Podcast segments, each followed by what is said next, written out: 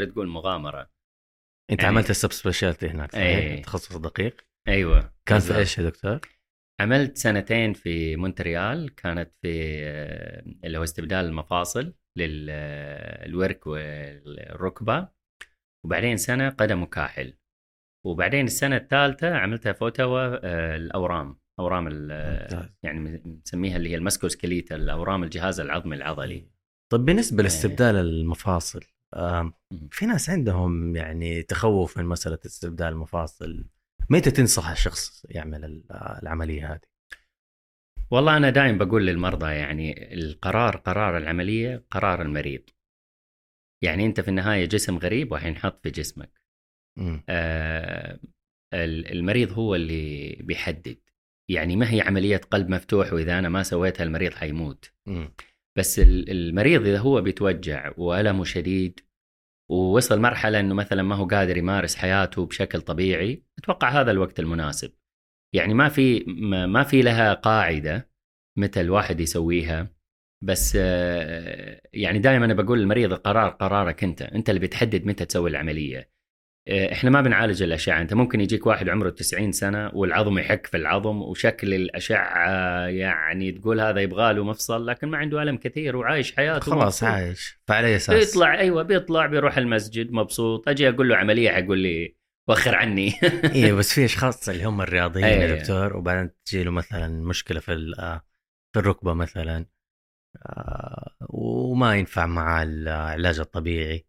في الحالة هذه المفروض يعني المفروض إنه يعني أنا في. في في ناس عمرهم 26 سنة عملت له مفصل الورك يعني ما في بس قاعدة بس كيف صحته هو الولد هذا؟ آه، يعني اللي عملت له إياه مثلا كان عنده آه، آلام شديدة عايش بألم آه، طبعا هو عنده تآكل في المفصل نتيجة تكسر وحاجة زي كذا فهي ما في قاعدة متى نسوي العملية العملية يعني اللي بيقرر العملية هو المريض إذا المريض شايف نفسه يعني ما هو قادر يعيش مع الوضع اللي هو فيه آه، أو بيعيش بألم بيعاني في ليل نهار من الألم هذا الوقت اللي بنسويها بس يعني ما في الشخص اللي عمره قاعدة. 26 يا دكتور هل هو مثلا بيعاني مثلا من السمنة عشان كذا؟ لا هل عنده مشاكل في ال lifestyle حقه ولا بس سبحان الله عنده هذه المشكلة؟ لا هو كان تآكل نتيجة المرض اللي عنده يعني كان عنده أنيميا منجلية آه. عدمت له المفصل مثلا okay فيعني أنا يمكن هذا هنا في السعودية أصغر واحد سويته اللي أنا سويته كان عمره يمكن حوالي 26 سنة. فما في قاعدة للمفصل الصناعي آه، بيتسوى آه، في الوقت اللي المريض آه، حياته متوقفة يعني حياته متعطلة بي- بيعيش بألم. آه، الفكرة منها ان إحنا نحسن مستوى معيشته يعني بدل ما يعيش بألم بنشيل الألم. آه، أحيانا المريض بيكون الألم بسيط ومحتمل وما هو مأثر في حياته فما حقول له مفصل صناعي يعني على طول.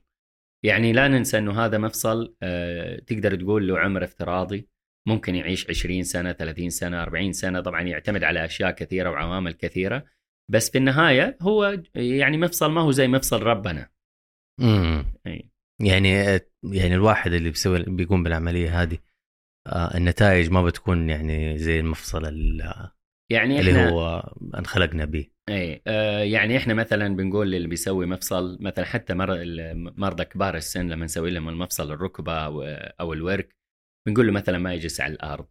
آه الفكرة إنه يحافظ على المفصل قدر الإمكان يعني ما يروح يجري يلعب رياضات عنيفة هذه ممكن إنها تدمر المفصل. طب لو هو كان إنسان رياضي يبغى يرجع يمارس الرياضه آه، يغير طبيعة الرياضة. يعني يقول لي مثلا بجري ماراثون أقول له لا تسوي مفصل. لأنه هذا حيعدم المفصل. يعني بدل ما يعيش معاه مثلا 30 سنة حيعيش بنقول 20 سنة ولا 15 سنة. يعني ممكن يأثر على المفصل. فإحنا عادة بن يعني ما في قواعد للأشياء هذه. بس عادة بنقول للمريض الأحسن أنت حافظ على المفصل آه، بدل ما نيجي بعد كم سنة نعيد لك العملية. طيب إيش الرياضات اللي أنت تنصح فيها؟ يعني اللي بيكون عمل مفصل صناعي بنصحه يعمل مثلا سباحة دراجة. الرياضات اللي فيها قفز ونط كثير وجري كثير يعني هذه بيكون اهتزازات بتعدم المفصل يعني بتكون آه، اهتزازات خلال المفصل ممكن إنها مع الوقت تعدم المفصل. فالأفضل إنه يغير من طبيعة النشاط حقه. هو الفكرة من الرياضة إن الواحد يعني ما أتوقع منه إنه يرجع يلعب كرة قدم. يعني أتوقع منه إنه لازم يغير طبيعة حياته حتى يحافظ على المفصل الصناعي اللي هو حاطه. طيب بالنسبة لتمارين المقاومة والحديد؟ يعني ما فيها مشكلة بس يعني ما نفضل إنه يشيل أوزان مرة كثير لأنه ممكن مع الوقت تأثر على المفصل. إيه يعني يعني الأوزان يعني لا يشيل أوزان ثقيلة. ثقيلة مرة إيه. okay okay إيه هو ال- الفكرة زي ما قلنا إنه إنه الوزن الثقيل مرة يعني 100 كيلو ولا 120 كيلو هذه ممكن إنها تزيد الضغط على المفصل في الأطراف السفلية فهذا ممكن يعدم خصوصا القطع البلاستيك اللي في المفصل. ممكن هنا تأثر عليها يعني الحديد بيتحمل بس البلاستيك ممكن ما يتحمل الأشياء هذه فهذه فكرة إن إحنا بنقول له يعني الأفضل يغير طبيعة الرياضة اللي يعملها إيه، يعني ممكن مثلا آه، المشي على السير أنا ما أنصح فيه هو عموما حتى آه. بالنسبة للناس الأصحاء المشي على صحيح. السير ما هو. مزبوط مزبوط على يعني بالعكس المشي الظهر صحيح المشي على الأرض أفضل بكثير من المشي على السير يعني صح. الواحد يروح المول يتمشى يتمشى في الشارع أفضل بكثير من المشي على السير. آه بالذات إذا هو عامل مثلا مفصل صناعي لأنه أنت ما تبغى القطع البلاستيك أو الأشياء البسيطة اللي في موجودة هذه إنها تتدمر مع الوقت. طيب يا دكتور حاخذك على محور ثاني دحين اللي هو الأورام أورام العظام والأنسجة الضامة. فأبغاك تتكلم عن آه، أنواع الأورام اللي بيصيبوا بها الناس. هو طبعا ال- العظام والأنسجة الضامة هي بتكم بتكون جزء كبير من جسم الإنسان. يعني ال- العظم ككل هيكل العظمي كامل. الأنسجة الضامة المقصود فيها اللي هي العضلات الأوعية الدموية آه، ال- الأشياء اللي تربط ال- الأنسجة تقريبا ببعض. آه، الأوتار الغضاريف آه، هذه كلها نسميها أنسجة ضامة. هي تربط الأنسجة الثانية مع بعض. يعني الأورام اللي تيجي فيها طبعا أنواعها كثير. يعني يمكن آه، مرة كثيرة أو بعضها أورام حميدة وبعضها أورام خبيثة. طبعا الأورام الخبيثة أقل بكثير وهذه نعمة من ربنا إنه الأورام الخبيثة أقل بكثير من ال- الأورام ال- الحميدة. يعني لو قلنا أي واحد عنده كتلة في يده في رجله في ظهره احتمالية إنها تكون ورم خبيث يمكن من نص إلى واحد بالمية. يعني ما هي آه، كثيرة. بس للأسف آه، ال- الأورام الخبيثة اللي بتسمي اللي بتسويها بنسميها الساركوما. آه، الساركوما من من أسوأ أنواع الأورام أحيانا. آه، وأنواعها كثيرة أكثر من 200 نوع الساركوما لحالها. ف أنواعها كثير. آه، علاجاتها مختلفة على حسب النوع على حسب هو منتشر ما هو منتشر. يستجيب للكيماوي يستجيب للإشعاعي ولا ما يستجيب. فأنواعها كثير مرة. طيب يا دكتور أغلب الحالات اللي بتجيك بيتم اكتشافها بسبب أعراض معينة؟ هو معظم الأحيان بيكون عندهم المريض بيحس بكتلة أحيانا بيكون فين؟ ألم. كت... يعني كيف الواحد بيحس بكتلة في. في, ال... في العظام؟ يعني إيش بيحس بالضبط؟ هو يعتمد إذا هي آه، آه، الأنسجة الضامة آه، بيكون عادة كتلة بيحسها كتلة وكتلة تكبر بيتغير حجمها مع الوقت يعني. آه، العظام عادة آه، أحيانا بيكون معها ألم نتيجة إنها بدأت تأكل العظم وبدأ العظم يصير ضعيف لكن هذا مو دايم. آه، هو يعتمد إذا العظم تآكل والعظم صار ضعيف يبدأ المريض يحس بألم. أحيانا بيكون كسر يعني ال- العظم بينكسر. آه، وين كان هذا مو في حالات كثيرة. بس بسبب الورم؟ بسبب الورم إنه العظم بيبدأ يضعف يضعف يضعف إلين مرحلة آه، بينكسر. أحيانا طبعا بعض المرضى بيجينا في مراحل متأخرة يكون هو كسر آه، نتيجة إنه هو أهمل الألم. يقول لك ألم بسيط وكل يوم حيقول حروح المستشفى حروح المستشفى ويأخر الموضوع. أحيانا بيجينا بكسر مثلا. فهو نتيجة إنه العظم صار ضعيف وصار قابل للكسر. أو أحيانا آه، المريض بيجينا يعني أكثر حاجة هو الألم أكثر شيء. أكثر شيء بناحية العظم لكن الأنسجة الضامة لما يكون في العضلات في الأوتار أو حاجة طالعة من الاوعية الدموية أو الاعصاب الطرفية هذه أحيانا معظم الأحيان بيجينا بكتلة يعني مو دايم بيكون معها ألم. فهو بصراحة اللي عادة بيضايق المريض أكثر هو ال- الألم. يعني المريض ممكن يكون عنده كتلة وبيسكت عنها. ليه؟ لأنه ما بتوجعه فما. بتجبره إنه يروح الطبيب. فهذه المشكلة إنه أحيانا بيجونا بعض المرضى متأخرين. طيب إحنا دحين يعني في صدد إنه آه، موضوع ال family medicine طب الأسرة آه، آه، حينتشر وحيصير يعني موضوع طبيب الأسرة وحيكون هو بوابة المريض فقبل إنه يزور طبيب العظام أو شيء يعني أو واجه فدائما المستشفيات الترند العالمي الآن يوجهوا المريض لطبيب الأسرة أو لعيادة طب الأسرة. أحيانا حتى ما ما يعتبوا المستشفى فايش وجهة نظرك في هذا الموضوع؟ يعني ممكن طبيب الأسرة في الحالة هذه يعني مثلا ما يشخص المريض بالطريقة الصحيحة يعني. تكون عنده كتلة تكلمت معاك أنا قبل كذا قلت لي في أحيانا بعض الكتل آه، بيتم اشتباهها ويحسبوها إنها أكياس دهنية وهي في الواقع آه، كتل سرطانية. فهل تعتقد إنه المسألة هذه آه، هي الطريقة المثلى يعني في في في مسألة التشخيص إنك أنت تروح لطبيب الأسرة؟ من ثم تروح للطبيب الاستشاري؟ هو يعني هذا سؤال بصراحة جميل جدا. يعني أنا أعتبر خط طبيب الأسرة أو الطبيب العام هو خط الدفاع الأول آه، لكل أنواع السرطانات. يعني هو المريض معظم الأحيان بيجي لطبيب الأسرة أو لأول طبيب يروح له هو اللي بيكون في الوجه. ويمكن هو أسهل واحد يوصل له الطبيب العام طبيب الأسرة آه، فهم خط الدفاع الأول نقدر نقول. فانا أتمنى منهم يعني من كل أطباء الأسرة والأطباء العامين إنه يركزوا على هذا الموضوع. يعني بيجيني كثير من المرضى بيقول لي أنا من سنة رحت للدكتور وقال لي كيس دهني فتركته بعدين يجيني بعد سنة اللي كبر البيضة صارت كبر البطيخة. يعني والحالة يعني أصبحت خطيرة يعني. والحالة صارت أصعب آه، علاجها أصعب آه، ممكن الحين صار يعني بعض الأورام لو جلست فترة طويلة بتنشط أكثر. يعني ممكن يكون في البداية ما كان نشط بشكل كبير بعد فترة صار نشط تحول إلى ورم أنشط منه. فيعني المفروض إنه يعني خط الدفاع الأول يكون عندهم وعي بالأشياء هذه بالسرطان الكويس في أورام العظام بالذات إنه أورام العظام أحيانا من الأشعة آه، الدكتور الطبيب العام أو حتى طبيب الأشعة العام بيقدر يفرق بين الحاجة النشطة والحاجة اللي ما هي نشطة من الاشعه العادية البسيطة. وهذه نقطة آه، الاكتشاف. يعني دائما دكتور حتى طبيب الأشعة العام يقدر يفرق من صورة الأشعة في معظم الأحيان طبعا مو مو دايم بس في معظم الأحيان يقدر يفرق بين الورم النشط والورم الغير نشط. الورم اللي موجود له 20 سنة والورم اللي قاعد له أسابيع ولا يعني شهور. فالورم اللي له أسابيع أو شهور هذا اللي بيخوفنا يعني إنه بيكون أكثر نشاط. فالتحويل لازم يكون سريع. يعني طبيب الأسرة المفروض ما يروح يحول المريض والمريض ينتظر ستة شهور لما يكون هو في شك إنه عنده حاجة خطيرة إنه هذا سرطان. يعني ستة شهور ممكن المرض ينتشر وممكن المرض ما يصير صعب آه، نحن نسيطر عليه لما يجينا في حالات متأخرة. فاتمنى أطباء يعني الأسرة وأطباء العامين إنه ينتبهوا للموضوع هذا. آه، خصوصا لو مثلا أنا جاني المريض عملت له أشعة وراح وجاني تقرير الأشعة بيقول لي في احتمال إنه يكون حاجة نشطة. إنه نستعجل الموضوع. لما أرسله مثلا حسوي له أشعة ثانية أسوي له إياها بسرعة. ما أنتظر عليها ستة شهور وسنة وحاجات زي كذا. أحيانا المواعيد بتكون مرة بعيدة.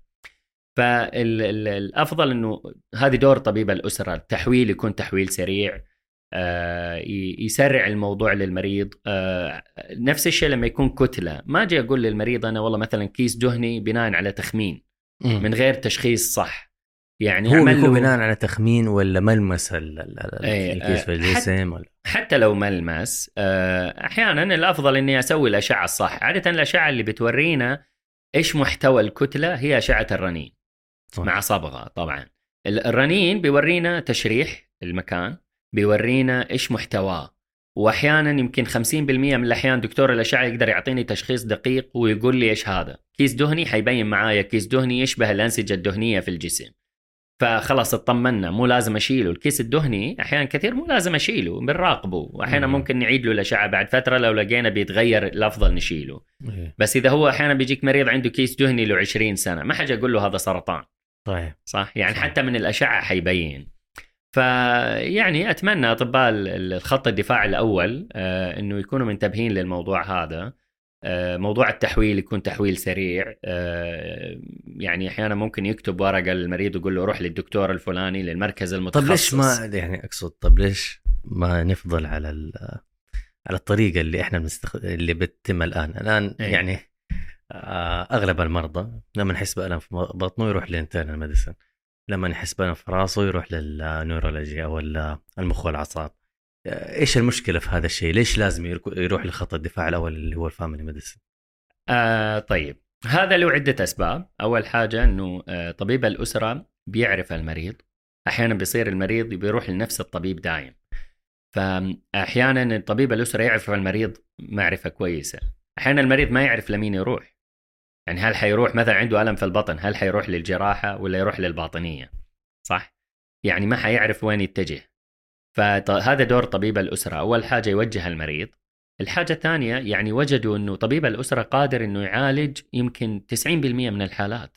يعني الزكمة العادية مو لازم يروح لطبيب باطنية ولا طبيب انف واذن ولا طبيب يعني 90% من الحالات أصلا يقدر يعالجها طبيب الأسرة. إيه. ف آه، ويقدر يتعامل معها وخصوصا إذا هو صار جزء من الأسرة. يعني طبيب الأسرة سمي طبيب أسرة لأنه أحيانا بيكون جزء من الأسرة. صح. بتلاقيه يعرف الأب ويعرف الأم ويعرف الأطفال ويعرف يتعامل معهم وكمان يعرف يوجههم وتصير أحيانا علاقة آه، أسرية أكثر ما هي علاقة مريض وطبيب. صحيح. فيعني هذا له دور كبير. آه، فبالعكس أنا أشوف هذا الصح إنه طبيب الأسرة يقدر يتعامل مع معظم الحالات آه، كثير من الحالات اللي بتجينا حالات مثلا ألم بسيط وبيجي العيادة متخصصة واحيانا بعض العيادات المتخصصة مواعيدها طويلة بعد شهور والمريض مم. محتاج يشوف الطبيب خلال مثلا يومين ثلاثة أيام ويحل المشكلة صحيح. وانتهى الموضوع فيعني بالعكس هذا الشيء الصح هذا اللي الآن معظم دول العالم ماشية فيه يعني انه إنه آه، من ناحية إنه هو أسهل الوصول له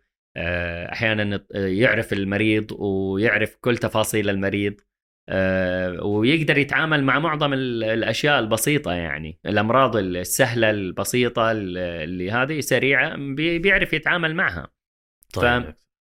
نرجع لموضوع الأورام. أي. آه إيش آخر قصة نجاح آه لعملية أنت أجريتها آه هنا في مستشفى الدكتور سمان فقي والله الحالات كثيرة آه بس آه يعني آه اللي يمكن أكثر حاجة آه بعتبرها نجاح. يعني جاتني مريضة مثلا كان عندها الورم آه له أكثر من يعني رجع أكثر من آه أربع خمس مرات.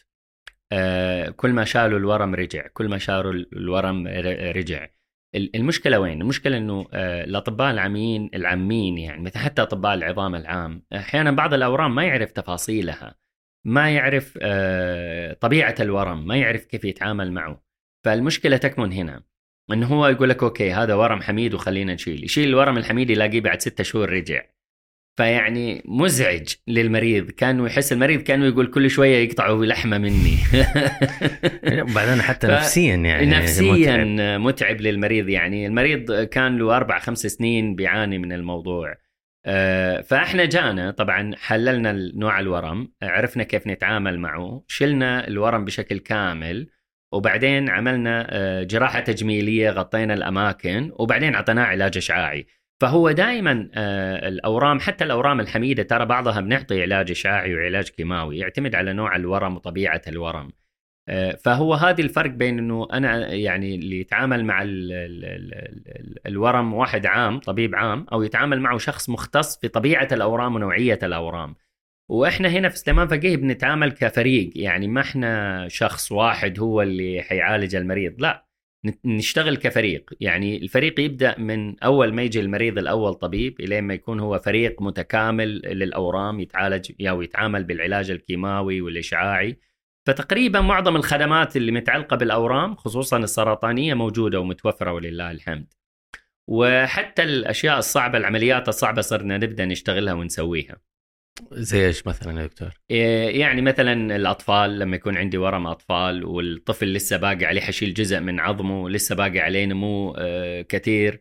آه، من كم أسبوع اشتغلنا حالة جبنا يعني جهاز خاص بيتطول باستخدام الأشعة المغناطيسية.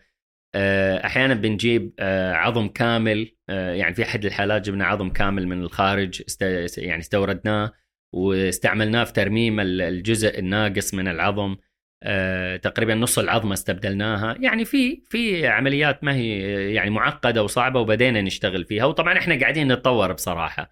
مو بس في التخصص الجراحة حتى في الأشياء الثانية صرنا نعرف نتعامل مع يعني تقريبا حتى الحالات الصعبة. ولله الحمد. يعني إحنا فريق متكامل. من آه، يعني آه، الفريق قسم الأورام كامل بالعلاج الكيماوي الإشعاعي قسم الأشعة صاروا يعرفوا يتعاملوا مع الحالات قسم المختبر صاروا يعرفوا يشخصوا الحالات بشكل أدق. وعندنا أشعة تداخلية وعندنا تقريبا كل الخدمات موجودة ولله الحمد. الله يسلم. يعني معظم الأشياء تقريبا موجودة وإحنا بصراحة قاعدين نتطور. يعني حتى وكل ما تجينا حالات أكثر كل ما إحنا حنتعلم أكثر وحنتطور أكثر طب بالنسبة لدافنشي وتقنية دافنشي والجراحه الروبوتية هل دخلت في مجال العظام آه، ولا لسه؟ هو آه، الروبوت دخل في مجال العظام. إلى الآن تقريبا هو في المفاصل الصناعية أكثر أنا أتذكر في أحد المؤتمرات ناقشتهم قلت لهم جيبوا لي الروبوت اللي لما أنا أقرب من الورم يقول لي وقف. هذا اللي من جد حيكون نقلة نوعية يعني في خصوصا في الأورام الحوض وما الحوض لأنه الحوض مكان معقد شوية تشريحه معقد يعني بنشتغل أورام الحوض. يعني واحدة من الحالات اللي اشتغلناها في مستشفى سليمان فقيه كان ورم في عظام الحوض وشلناه واستبدلنا مفصل الورك بمفصل صناعي مع استبدال جزء من العظم. يعني هذه كانت من العمليات الحلوة اللي اللي اشتغلناها. آه الفكرة من الروبوت آه هو يعني في قطع العظم أحيانا في المفاصل الصناعية بيساعد يكون أدق شوية. في حالات أحيانا صعب إن إحنا نسويها بالطريقة العادية بس قليلة جدا. فيعني أنا أعتبر تطور الروبوت في العظم في جراحة العظم آه، لساته في بداياته. أنا قلت لهم آخر مرة يعني قابلت الفريق اللي كان شغال على اللي هو الميكو هذا أشهر روبوت مشهور في العظم. ما هو الدافنشي الدافنشي أكثر في الجراحة العامة والمسالك والقلب والأشياء هذه. هذا اللي جابوه هنا في مستشفى سليمان فقيه. بس للأسف ما عنده تطبيقات في في العظام. اللي عنده تطبيقات في العظام الميكو اللي هو من من يعني أكثر حاجة تطور في قسم جراحة العظام إلى الآن في بداياته أنا أعتبره. وقلت لهم لما قابلت الفريق قلت لهم لما تجيبوا لي ال ال الروبوت اللي لما أنا أقرب من الورم يقول لي وقف أنا حأشتغل فيه. الله يسلمك يا دكتور. أنا أعتبره خيال علمي بس قابل للتطبيق وأتوقع خلال السنوات الجاية حيشتغلوا عليه وحيسووه. إن شاء الله إن شاء الله. آه دكتور محمد السباعي كانت حلقة ممتعة وأشكرك على جيتك الله يعطيك العافية. شكرا الله يسلمك. الله يخليك. أهلا وسهلا.